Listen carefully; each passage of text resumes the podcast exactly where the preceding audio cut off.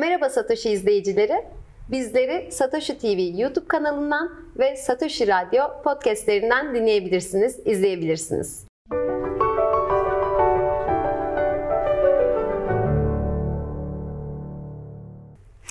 Bugün konuğum ödülleri kucağına sığmayan Beyoğlu'nun en güzel abisi Başkomiser Nevzat. Ee, Sis ve Gece, Kavim, Elveda Güzel Vatanım, Olmayan Ülke ve daha birçok kitabından çok iyi tanıdığımız, sevdiğimiz yazar Ahmet Ümit.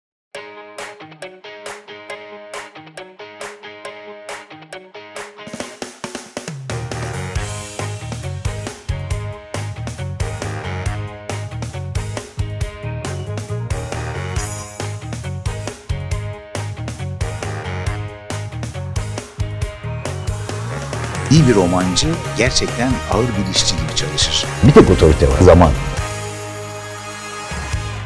Hoş geldiniz. Hoş bulduk. Nasılsınız? İyiyim. Siz nasılsınız? Ben de iyiyim. Geldiniz buraya adalardan. Hoş Evet, geldiniz. Hoş bulduk, hoş bulduk. Arada İstanbul'a gelmek güzel oldu. güzel oluyor. Çok güzel. Böyle bir bahar havasıyla geldiniz. İyi Aynen ettiniz. öyle. Sağ ol. Bugün biraz e, yazdığınız kitaplardan özellikle böyle yüzün üstünde e, kitabınız e, 34 e, farklı dile çevrildi e, diye biliyorum. Doğru. Onlardan mesela başlasak Tabii. ve İtalyan ünlü sözü e, traditare, traditore. Çevirmen bir haindir. E, sözü üzerinden dünyaya yayılan kitaplarınızın çevrilme hikayesi ve sizin açınızdan çok fazla bir e, boşluk oluştu mu? Yoksa okuyucularla aynı e, yerde mi buluşuyorsunuz? Onu merak eder, ediyorum. Evet. Onunla başlayabiliriz. Şimdi tabii biraz haksız bir söz bence çevirmen bir haindir meselesi. Şu nedenle haksız. Mesela Etiyopya'da bir okurun beni okuması için çevrilmesi lazım. Hı hı. Yani Almanya'da bir okurun okuması için, Çin'de bir okurun okuması için, Meksika'da bir okurun okuması için, e, Hindistan'da bir okur çevrilmesi lazım. Burada bence çevirmen de hainden çok e, kolaylaştırıcı, beni insanlara ulaştıran oluyor. Ha ya acaba bu çeviri e, sadık bir çeviri midir, lezzetli bir çeviri midir, eserden değer kaybettiriyor mu meselesi ise e, maalesef bunu çok bilmek mümkün değil. Yani burada tek mesele şu olacak ancak e, o ülkedeki yayıncının titizliğine bakar o iş. Yani eğer orada e, Türkçeyi çok iyi bilen ama ana dili Arapça ya da işte ne bileyim e, Almanca, İngilizce ya da Rusça olan kişi benim kitabımı çeviriyorsa, Türkçeyi de çok iyi biliyorsa, Türkiye'de yaşamışsa o zaman ve yetenekliyse o zaman iyi bir çeviri ortaya çıkıyor. Hı hı. Şu ana kadar anormal bir şeyle karşılaşmadım. Fakat bir matrak bir anım var onu anlatmak Tabii. isterim. Sis ve Gece romanım Almanca'ya e, çevrilmişti. Çeviren de çok kıymetli bir profesör. Wolfgang Scharlip diye. Çeviri bitti. Çok da güzel bir çeviri oldu gerçekten. Fakat bir yerde sonra bir arkadaşım beni aradı. Ya dedi Ahmet dedi. Bu Elma Dağı dedi, Sivas'ın bir köyünü anlatıyorlar dedi. Bizim buradaki Elma Dağı yazıyorum ben. Ha.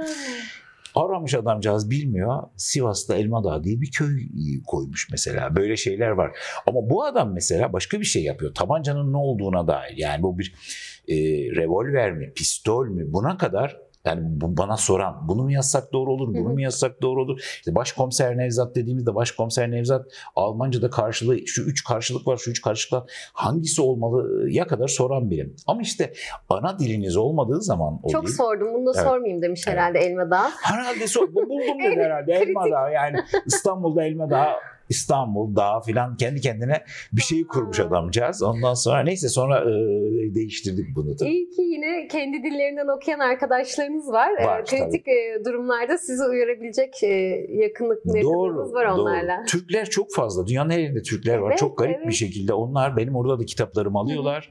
Ben oraya gittiğimde söyleşilere falan da geliyorlar ve onlar da söylüyor işte. Çeviri iyi olmuş bilmem ne olmuş. Hı hı. ya da gelip o çevirmen iyi değil değiştir falan. Ha, Diyenler oluyor. Süper. Evet. Her yerde gözünüz var bir Var, noktada. var. Yani okuyucularınız sağ olsun dünyanın her yerine yayılmış durumdalar. Aynen Bir öyle.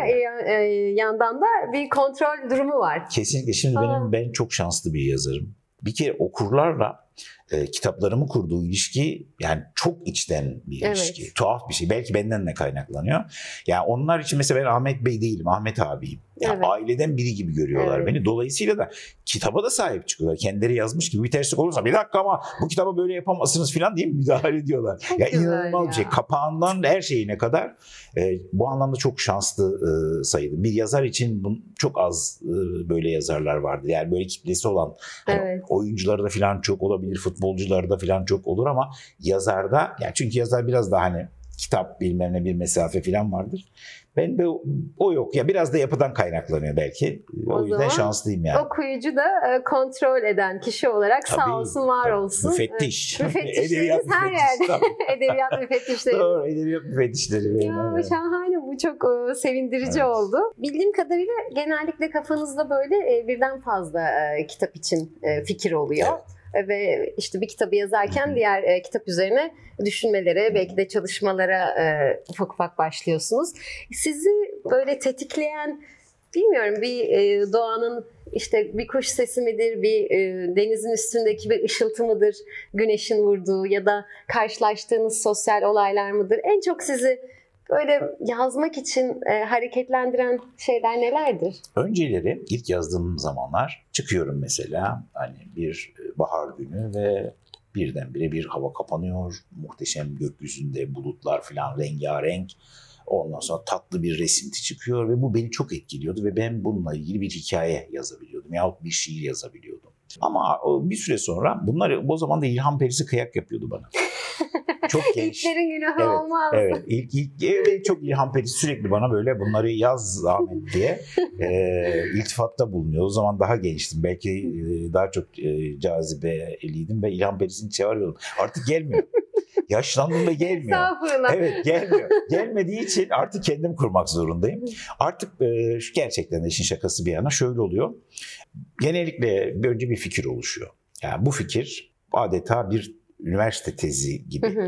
çalışabileceğim bir fikir oluyor. Örneğin son Kayıp Tanrılar Ülkesi Hı hı. romanımdan bahsedelim. Tabii. O zaman daha iyi olacak. Yıllardır ben e, Anadolu'daki Helenistik dönemi, e, Anadolu'daki Helenistik kentleri merak ederim. E, Anadolu'da ne vardı? Milattan önce ne vardı? Kim vardı? Bunu çok merak ediyordum ve çok da fazla bilmiyorum. Dedim ki bunu öğrenmem lazım. Bunu öğrenmek için orada geziyorum. Berlin'de Pergamon Müzesi gördüm. Ve e, sonra Bergama'ya gittim. Dedim ki ben bunu yazmaya bak. Fikir bu. Fikir böyle başladı ama bunu yazabilmem için bütün o Helenistik dönemi bilmem gerekiyor. Evet. Onun üzerine çalışmaya başladım. Bir Helenistik dönem çalışması. Okudum, okudum, okudum. İşte Berlin'e gittim. Berlin'de yaşamaya başladım. Uzunca bir dönem ondan sonra. Ve bu konuya hakim oldum artık. Bergama'ya gittim. Hakim olduktan sonra romanın kurgusu. Ve bu kurgu yolu. Önce hikayesi ortaya çıktı pardon. Sonra bu hikayeyi nasıl anlatmalıyım kurgusu ortaya çıktı. Hı hı. İşte beni etkileyen şeyler bunlar. Yani gidiyorum ülkemde bir şey görüyorum. Ya bir arkadaşım çok enteresan bir hikaye anlatıyor bana mesela. Bir ses böyle geceyi biraz daha farklı mesela. O bir Alevi bir çocuğun intiharını anlatmıştı bana. Çok etkilendim ve onu yazdım. Hayattan şeylerden yola çıkarak yazdım. Yoksa şey değil yani bilinç tekniği akışıyla yazdığım romanlar var. Mesela Sultan'ı öldürmek ama orada da Fatih Sultan Mehmet'i anlattım ama bir karakter var orada. Müştak Serhazin diye. Bu karakter Virginia Woolf'un romanları gibi bilinç tekniği akışı yani. Böyle Hı Birdenbire başlıyor tık tık tık düşünüyor düşünüyor kafayı biraz da kafa gitmiş tarih profesörü. Zaten öyle olması lazım. O anlarda bazen mesela geçen Mehmet Baydur'un bir e, re- retrospektifine katılmıştım. Şey dermiş kendisi. E, bunları fazladan yazdım hızımı kesmesin diye. Ha, olabilir. Sizde de böyle bir hızını kesme, bilinç akışıyla yazdıklarınızda bir hızını kesmesin diye parmaklarınıza hakim olamadığınız durumlar oluyordur herhalde değil mi hem yazarken? parmaklarımıza hem de zihinsel Zihninize. Hı hı. Evet, zihinsel yolculuk o enfes Hı hı. bir şey. Yani şöyle bir şey düşünün. Karlı bir İstanbul, akşam üzeri ve 21 yıldır beklediği kadını öldürmüş olduğunu düşünen bir adam. Bu adam Karaköy'den vapura biniyor. Karanlık bir deniz, karanlık bir gece ve orada aklından geçenler. Bu müthiş bir şey. O zaman bırakıyorsunuz. Zihin nereye akarsa aksın. Çünkü öteki ben iyiyim, ben iyi insanım aslında, ben güzel insanım, kimseye kötülük yapmam falan bu saçmalıklardan kurtuluyorsunuz. Gerçek insana dönüşüyorsunuz. İçindeki duygular neyse, Ne dürtüler ne neyse, yoksa. düşünce. Evet, karanlık arka bahçeler her şey açığa çıkıyor. Yani Bu, bu müthiş bir şey. Bunu yaşamak müthiş bir büyük şey. bir karşılaşma kendinize Aynen de öyle. aşma, gitme. Tabii. Acayip bir şey ve dediğiniz gibi hani üzerine e, biraz bilgi sahibi olmak istediğim konular üzerine de yazmak e, ya- Hı hı. yazmayı Tabii, seviyorum tabii, dediniz. Kayıp Tanrılar Ülkesi de bu şekilde öyle. olmuş. Aynen öyle. Onun biraz belki Gaziantep'le oluşunuzla da e, bir bağlantısı olmuş mudur o bölge olarak? Hani Tabii çok Pata sana öyle çıktı. Doğru. Doğru. e, çünkü aslında oraya gelince ve annenizden ve masallara da Tabii. giriş yapmak isterim. Çünkü e, sizin yazdığınız Masal Masal içinde kitabınız, Hı. Olmayan Ülke e, kitabınız bunların hepsi sizin bildiğim kadarıyla annenizden duyduğunuz e, Doğru. hikayeleri Doğru. gelince ben bunları yazmalıyım diye kaleme aldığınız ve Doğru. e, hem şu anda ilkokullarda da çocuklara okutulan Tabii, e, tabii. 7'den 70'e hepimizin keyifle Tabii. okuduğu masallar olarak, Öyle. bizimle buluşmuş oldu. E, evet doğru. Bu yazarlığımda özellikle tabii Gaziantep'in ve e, annemin çok etkisi var. Çünkü hı. annem bir İngilizlerin deyimiyle storyteller, e, hikaye anlatıcısıydı gerçekten. Ve çok ballandırarak anlatırdı. Sadece okuduğu romanları ya da e, ona bir hikayeci tutmuş dedem o adamdan duyduklarını ya da babaannesinden duydukları değil. Aynı zamanda yani yoldan geçen, başından geçen bir hikaye olsa onu da böyle ballandırarak anlatırdı ki herkes böyle ağız açık dinlerdi. Yani muhtemelen benim anlatıcılık yeteneğim e, var ise annemden geliyor o kesin. Yani o kesin. Ve tabii Gaziantep kültürü çok önemli. Çünkü çok renkli bir kültür. Benim yazarlık hayatıma çok büyük etkisi ve katkısı vardır. E, bu masal kitaplarınızdan masal masal içindeden başlamam gerekirse devlet tiyatroları da uyarlandı ve Doğru. oyun olarak sergileniyor. Ben de izleme fırsatı buldum ve epey keyif aldım. Hikaye e, şahane. Masal yine anneniz Fatma Hanım'dan duyup da kendinizin herhalde e, sonrasında Tabii duyduğunuz Evet. kadarını kendi katkılarınızla e, kaleme aldığınız şekliyle bizlere ulaştı. E, bu noktada size e, şunu aslında merak ediyorum. Kitaplarınız farklı e, disiplinlere uyarlanan bir yazar olarak mesela oyun uyarlamalarını izlediğinizde nasıl buluyorsunuz? Bazen çünkü yazar şey der, yazan kişi oyununu izlediğinde benim karakterlerim böyle konuşmuyordu der, rahatsız olur ya da çok sever. Sizde nasıl bir e, his oluyor izlediğinizde? Bu konuda yani gerek tiyatro, oyun olsun, gerek opera olsun, e, gerek film olsun, dizi olsun. e, ben düşüncem şu. Şimdi ben bir kitap yazıyorum. Bu işte edebi bir ürün. Değil mi? Yani bir masal, edebiyat ürünü. E, ve benim kitabım orada duruyor. Masal masal içinde. Ya ondan sonra bir e, dostumuz geliyor. Tiyatrocu arkadaşımız. Ya bundan çok iyi oyun olur. Biz bunu uyarlayalım. Ve uyarlıyor. Ve tiyatronun gereklerine göre, tiyatro sanatının kurallarına göre, ölçütlerine göre bir sanat eseri ortaya çıkarıyor. Hı hı. Artık bu benim romanım değil, benim masalım değil. Benim eserimden yola çıkarak yaratılmış, başka bir sanat alanında yaratılmış başka bir eser. Dolayısıyla ben burada arkadaşlar bunu koymamışsınız, şuralar eksik kalmış demem. Hayatta böyle bir şey demem. Hatta çok matraktır. Mesela Bir Ses Böler Geceyi e, romanı filmi uyarlandı. E, yönetmen de Ersan Arsever. Çok da sevdiğim bir abi. Benim sözcüklerimi şehvetine kapılmış. Karakter konuşuyor ve konuşuyor. 5 dakika falan konuşacak karakter sinemada. Dedim abi bunu koyma niye koyuyorsun? Yani ben olsam sıkılırım. Ben yazdım ama sıkılırım. Ya dedim bunlar çok güzel. Ya güzel ama bunun kuralı bu değil ki. Yani o sinemanın kendi kuralları var. Eğer ben, benim mutlu eden şu olur. Benim eserime sonsuz bir sadakat değil. Benim eserimden yola çıkarak ve ruhunu koruyarak elbette sinema şahane bir başyapıt, şahane bir tiyatro oyunu. Şahane bir o- diyelim ki opera neyse yani şahane bir dizi. Bu yapıldığında ben mutlu olurum. Öteki türlü ya saçma bir şey olur. Ben zaten kitabım orada duruyor. Bu e, kitabımdan muhteşem bir oyun yapılsa benim sözcüklerimin değeri artmıyor. Duruyor orada. Yazdım. Kötü olsa azalmıyor. Yani bir şey değil mi? Ben başka Ya yazarlar o ne düşünür bilmiyorum. ki ne yazdığınızdan E, tabii. aslında. O kadar da rahatsınız bir yandan. E tabii Değil ya mi? ama benim ölçütüm o zaten. Okur şimdi onu oyunu ya da film izleyip ya bu eser de kötüymüş demez ki. Hiç böyle bir şey duymadım. Tam tersine şeydi. Eser çok iyiydi ya becerememişler abidir. Bu tanımlama budur. Yapılan şey budur.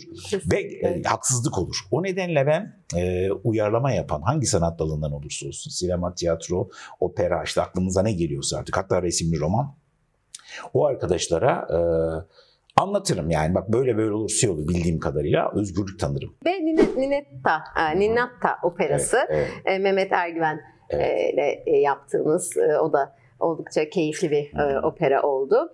E, opera olarak da seyretmek herhalde değil Tabii. mi? Acayip Müthiş. müthiş, bir şey. Bambaşka bir şey. Opera e, enteresan bir sanat dalı. Her şeyi birleştiği bir sanat dalı yani. Değil? Edebiyat, tiyatro, müzik, dans. O yüzden çok prestijli bir şey yani hani e, evet tabii bunu izleyeni çok fazla e, yani full gişe oyunun da yani bir edebiyat kadar ya da bir e, tiyatro ve bir sinema kadar e, yaygın olmayabilir ama verdiği haz e, çok başka yani benzersiz bir tat. O yüzden çok gurur verici bir şey. Ya çok mutlu oldum yani. Herhalde bir tüyleriniz ürperiyordur değil mi? E, aynen. bir, Aynen. bir haberle, bir Aynen öyle. e, olan bitenle ilgili. Öyle oluyor. Vallahi öyle oluyor. Çok Ya. doğru. Yani o çok mutluluk verici bir şey. Ee, Her gün bir yerden bir şey geliyor. Hiç haberiniz yok. Mesela ilk onu hatırlıyorum. Bir, ilk öykü kitabım yayınlanmıştı. Çıplak ayaklıydı Hı hı. gece. 1992 yılı.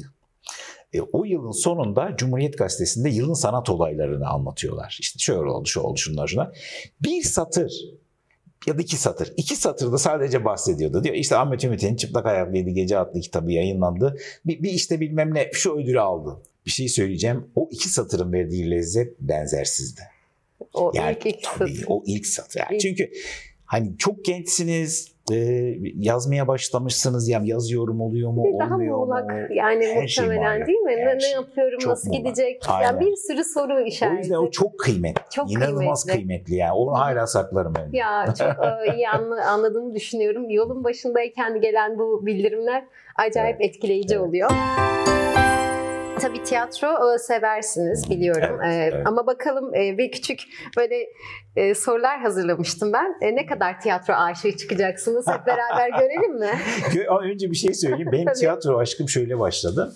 Gaziantep o zaman e, siyah beyaz televizyon vardı ve siyah beyaz televizyonda İsmail Cem zamanı Shakespeare oyunlarını Hmm. oynatırlar. İnan, yani şey uyarlama onu çekerlerdi ve oradan aslında ilk şey oradan geliyor. Bir de Gaziantep'te oynadım da ben.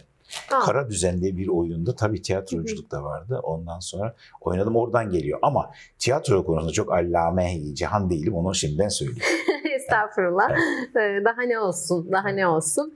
Mesela e, buna istinaden e, ilk olarak şunu sorayım. Ayda kaç oyun seyredebiliyorsunuz? E, Fırsatınız oluyor mu? Pandemi öncesi aslında izliyordum. Hı. Ayda bir oyun mutlaka izliyordum onu hı. söyleyeyim.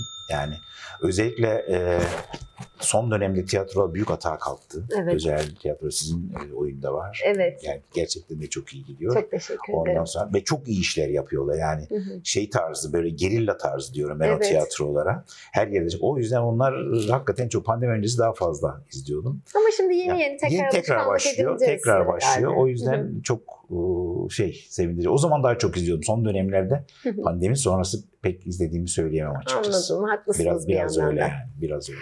Peki e, sizin böyle merak ettiğiniz oyunlar oluyordur elbette. Onun için yurt dışına, şehir dışına gittiğiniz oluyor mu? E, Şu tip oyunları bir göreyim de, diye. O, oluyor. En en son şey izlemiştim Londra'da. e, Shakespeare'in tiyatrosu, Globe hı. tiyatrosunda. Yani öyle korumuşlar. Yani hakikaten de Evet. korumuşlar. Gidiyorsunuz oraya işte şeylerinizi alıyorsunuz, yiyeceklerinizi falan alıyorsunuz. Ya, E, Fırtına'yı izlemiştim. Shakespeare'in Fırtınası'nı Aa, izlemiştim. Evet. Aynen. O çok güzeldi, çok hoştu gerçekten. Çok e, ondan etkilenmiştim. E, Berlin'de e, komik opera var. E, o Berlin'e gittiğimde o- oraya da gidiyorum. Onu da zaman zaman izliyorum. Ama böyle hani evet buraya geldim bunları izlediğimden çok ben de şöyle oluyor. Yurt dışına her gittiğimde mutlaka bir nedenle gitmiş oluyorum. Hı hı. Berlin'e gittiğimde kafamdaki şey Berlin'i Berlin'i yazmak. Hı hı. Esas mesele bu olduğu için daha çok müzeler Hı hı. üzerinde. Sizin daha uğrak mekanınız müzeler Direkt- oluyor Aynen değil mi? Ee, bilmiyorum e, iştahlı mısınızdır. Çok cebinizde mesela 50 liranız var ve çok Hı hı. e, görmek istediğiniz bir oyun var. Çok Evet. açsınız. Evet. Oyunu mu tercih edersiniz yoksa? Oyunu tercih ederim. Oo, Tabii. Hiç, hiç tereddütsüz. tereddütsüz. Hı. Tereddütsüz. Ben çok yemek yemeyi çok seven bir Evet. adamım. Gaziantep'liyim. Ama sanat olduğunda hiç. Şimdi bir Japon prensesi ölmüş ve Hı hı. öldüğünde e, yastık altında günlüğünü bulmuşlar. Hı hı. Ve çok 100 yıl yaşamış kadın ve şahane bir hayat olmuş. Yani Hı hı. çok güzel yaşamış ve herkes de onun insanlara ne önereceğini merak ediyormuş. Açmışlar ve şöyle bir, bir sayfa doluymuş, diğerleri boşmuş zaten. Şöyle diyormuş. Hayatın üç temel zevki vardır. Bir, aşk. iki sanat. Üç, yemek. Oo. Evet. E, maalesef yaşlanmaya başladığınız zaman e, aşk bitmeye başlayacak. Ve maalesef yemek de bitmeye başlayacak. Çünkü doktor diyecek şunları yemeyin bunları. Zaten yediklerinizi sindirememeye başlayacaksınız. Hı hı. Ama sanat olduğu sürece bir roman okuduğunuzda, bir roman okurken e, aşkı yeniden yaşayabilirsiniz. Ya da bir romanda bir yemek yeme e, anlatılıyorsa ya bir tiyatroda o nedenle Sanat her şeyden önce gelir. Ay şahaneymiş bu. Evet. Bizim ben- benim de kulağıma küpe Evet. olsun sağ olun. Yeme yemek yemeye dayanırım yani. tamam. e, bu e, yaşla ilgili mi yoksa e, şeyle mesela Sanata duydum. sanata duyduğunuz Benim için yaşla ilgili? kutsal, ben kutsal, kutsal olan bir şeye inanmam ki benim için tek kutsal varsa Evet ki Sanat. inanç konusunda e, yani sanattır. hani e, bir şeyin partizanı olma konusundaki fikirlerinizi de e, biliyorum ve bu konuyu Sanattır. Çünkü insanoğlunun üretebileceği, yaratabileceği en yüksek etkinlik sanattır. açıklayabilecek misiniz? Eyvah eyvah. Yok yok yo, çok e, bildiğinizi düşündüğüm ama hiç önemli de değil tabii ki hatırlayamazsanız. Buyurunuz. Aa, bu şey profesyonel. Evet. Yıllardır devlet Tabii, tiyatrosunda tabii. kapalı gişe oynanan Evet. e, çok zor biletini bulduğumuz Evet. e, Duşan e, Kovačević'in Evet. e, bir oyunu. kara kara e, hikaye. Eh, şöyle birkaç tane daha göstereyim. Bunu bilmiyorum. Bunu kesinlikle biliyorsunuz. Şemsiyeli Söyleyin bilmiyorum e, valla. mucizevi e, dadı. Mary Yok, Poppins. bu ne? Ha. Mary Poppins. Burada da size bazı fotoğraflar göstermek istiyorum eskilerden. Evet. Hatırlayabildiniz Tabii mi? hatırlıyorum bunu. Evet. Hisseli Harikalar Kumpanyası. Evet, 1980 yılında Tabii. premierini yaptı. tabii, tabii, biliyorum. Dorman tarafından Haydn yazılan. Tabii. Melih Kibar tarafından O zamanlar şan tiyatrosu falan. Evet, Tabii. evet, tabii. evet. Wow, onları biliyorum. Ya şahane, iyisiniz yine. Ama yani bunları da bilmeyeyim artık yani. Ee, Bilin tabii ki. Ama olur olur bir anda Evet. çıkartamayabilirsiniz. Ee, bir replikten hangi oyun olduğunu çıkartabilir misiniz? Bilmem. desem. Deneyelim. Valla size e, hazırladığım replik şu. Yemin etme kararsız ay üstüne sakın. Yörüngesinde her gece yön değiştiren Romeo ay gibi. Evet, balkon konuşması değişken olur senin de Tabii. aşkın. Ki siz az önce Shakespeare'den e, başladınız. Onlarla çok mi? izledim. Shakespeare. Şimdi şöyle bir şey söyleyeceğim. Burada yeri gelmişken. Hı hı. Şimdi bana soruyorlar işte "Ha- size e, hangi yazarları seversiniz, hangi yazarlar diye. Hı hı. Yeryüzünde gelmiş geçmiş bence en büyük yazar William Shakespeare'dir. Gelmiş geçmiş. Hı hı. Dostoyevski de büyüktür, Tolstoy da büyüktür. Hı hı. Yani büyük yazar. Homeros da büyüktür. Hı hı. Shakespeare bunlar için en büyüğüdür. Niye en büyüğüdür? Bana göre. Neden? Bana göre. İki nedenle. Bir, e, insanın bütün hallerini anlatır bize. Saçmalıklarını, adiliklerini, pisliklerini, cinayetlerini yani insan ruhunu olanca çıplaklığıyla ortaya serer. Bunun başka bir, bir yazar daha yapıyor Dostoyevski. Hı hı. Ama Shakespeare Dostoyevski'den ayıran ve ona artı puan kazandıran şey Dostoyevski'nin bilgisayar gibi düşünürse kart diski küçük. Hep Hı dramatik şeyler, trajik şeyler. an- Shakespeare komik olanını anlatıyor. O yüzden gelmiş geçmiş en büyük Hem yazar olduğunu anlatıyor? düşünüyorum. Shakespeare'in. Ve tabii en büyük lafı da olmak ya da olmamak değil. Bence en güzel lafı şudur. Şahane yani. Bu, bu bütün insanlığın özetidir. Pis iş. Tam insana göre. Shakespeare'in lafı budur. En güzel lafı budur. Pis, Pis iş. Tam insana, Tam göre. insana göre. İnsanoğlu çiğsit Ha, eğmiş. bunu anlatır. Şey, Pis bütün iş. oyunlarında mı? Kral Lear'inde, Macbeth'te, Üçüncü Richard, Üçüncü Richard, efsane mesela Üçüncü Richard. Ağla, uyarla mesela Putin, Putin kimler varsa hepsi çıkar orada.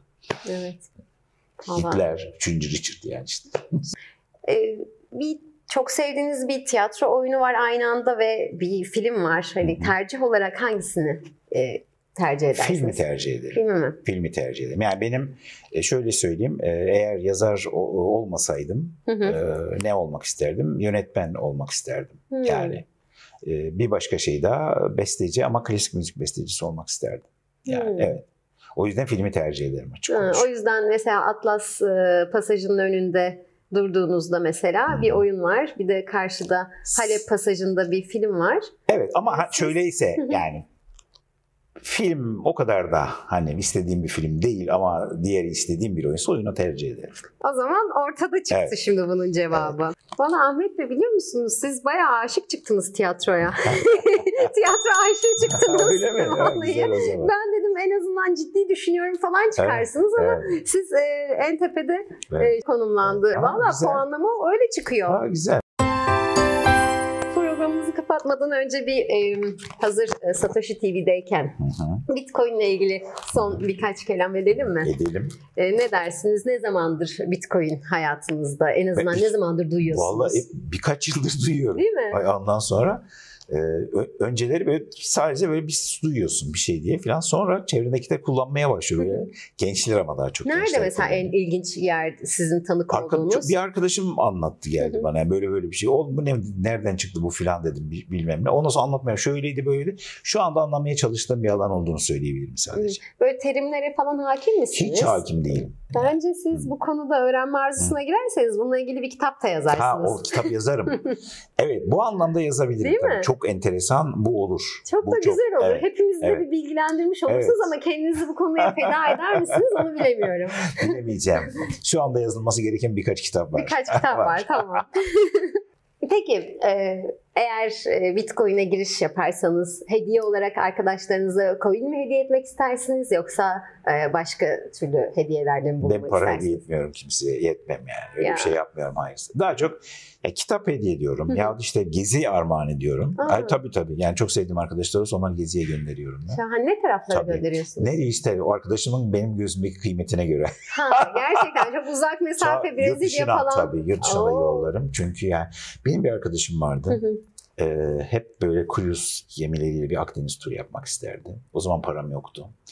Ee, maalesef kanser hastalığından kaybettik. İçimde uhdedir. O yüzden şimdi sevdiğim buna değer arkadaşlarım olunca onları geziye yolluyorum. Ya şahanesiniz. Valla e, sizin arkadaşınız olan yaşadı. Evet, evet. ne güzel. Evet, aynen öyle, aynen öyle. Şimdi tabii çağ acayip bir çağ. Yani şimdi bir sürü şey çıkıyor. Metaverse'ler çıkıyor, işte NFT'ler çıkıyor. Bir sürü şey çıkıyor. Anla- anlamaya çalışıyoruz. Yani Değil ben de mi? artık tabii pek genç bir insan sayılmam. Ama uzak kalmam. Öyle 62 yaşındayım. Uzak kalmam. Anlamaya çalışıyorum böyle. Çok güzel. Ee, son olarak programımızı kapatırken e, biliyorsunuz çocukluğumuzda okuduğumuz masallar e, kibritçi kız olsun, kırmızı başlıklı kız olsun aslında trajik biten e, sonlara sahipler. Ama yine de e, biz bir hoş e, anı olarak ya da hoş bir hikayeymiş gibi hatırlıyoruz Evet. bazen değil mi? E, neden öyle E bir çünkü çocukluğumuza götürüyor bizi. Zamanda yolculuk yaptırıyor. Yani çünkü masal değil mi? İlk hatırladığım şey masal. Ya e, kitapta okuduk ya biri şanslıysak bize anlattı. Do- Dolayısıyla o masal dinlediğimiz an otomatik olarak biz bir yolculuğa çıkıyoruz zihnimiz ve bizi çocukluğumuza götürüyor. Çocukluğu çok kötü geçen insanlardan ne yapar bilmiyorum ama onlarda da iyi olabilir çünkü o kötülükten kurtarıp bir kaçış sağlamıştır orada. O nedenle böyle iyimser oluyoruz. E, evet çok karanlık masallar bile yani. karanlık masalları Tabii, bile iyimser bir şekilde Tabii, hatırlıyoruz tabii, sanki öyle değil mi? Nedeni bence o çocukluğa gitmemiz yani bütün mesele o. Olmayan Ülke kitabınızda iki aşık e, la Hı bitirmek isterim. Hı hı. E, Rüzgar ve Su Hanım e, Evet. kendilerine yeni bir ülke arayışına Doğru. çıkarlar ve e, bu da e, aslında çok fazla bildiğimiz ve takip ettiğimiz çoban yıldızını Hı hı. e, takip etmek değil. Onlar artık Venüs'ün izinde Doğru. giderler. Neden böyle bir seçim yaptınız? E çünkü insan genellikle böyle aklın peşinden gidiyor. Akıl, akıl da bizi fakirleştiriyor, içimizi kuru- kurutuyor. Oysa güzellik yani bizi kurtaracak olan şey güzellik. Güzellik derken sadece cinsel anlamda e, güzellikten bahsetmiyorum. Yani seksüel güzellikten bahsetmiyorum. Hayattaki bütün güzellikler yani. Yani bir binanın yapılışındaki güzellik, ze- yemeğin yapılışındaki güzellik, davranışımızdaki güzellik ya da zerafet. Bunların hepsi ancak bizi kurtarabilir. Bizi kurtaracak olan şey güzelliktir. Tabii bu laf da Dostoyevski'ye ait, bana ait değil ama esas olarak bunu anlatmaya çalıştım. Çünkü sadece insan mesela akıldan oluşan bir varlığız ama sadece akılla yaşarsak mutsuz oluruz. Güzel. Aynı zamanda akıl dışıyız biz. Doğru. Güzelliğin içinde yüksek oranda sevgi var mı? E, güzellik Her zaman sevgi olması gerekmez. Gerekmez. Tabii yani. Güzellik diyoruz. Güzellik bence güzellik. Hı. Ha yani eğer o bilgelik de varsa o güzellik sevgiye dönüşür. Hı. Ama bazıları bu güzelliği bambaşka şeyler içinde kullanıyor. Ya Wagner'in müziğini Hitler e, katliam yaparken kullanıyordu yani. Hı. Güzellik ve iyilik farklı kavramlar ama güzellik olmazsa insanlık hiçbir yere gidemez. Güzelliği takip edelim. İçine de sevgi katarsak. İyi katalım. iyi Sevgi- katalım. iyi bir güzel, sevgiyi iyi doğru. Doğrusu budur. Doğrusunu Doğrusu kata- budur. katarak Doğrusu ilerlersek Doğrusu budur. çok da güzel olur. Evet. Ee, çok teşekkür ederim Ben değerli teşekkür katılımınız için. Bugünkü konuğumuz çok sevgili Ahmet Ümit'ti. Efendim eğer videolarımızdan hoşlanıyorsanız, bizi takip etmek istiyorsanız Satoshi TV'yi e, takip edebilirsiniz. Çok teşekkür ederim. Hoşçakalın.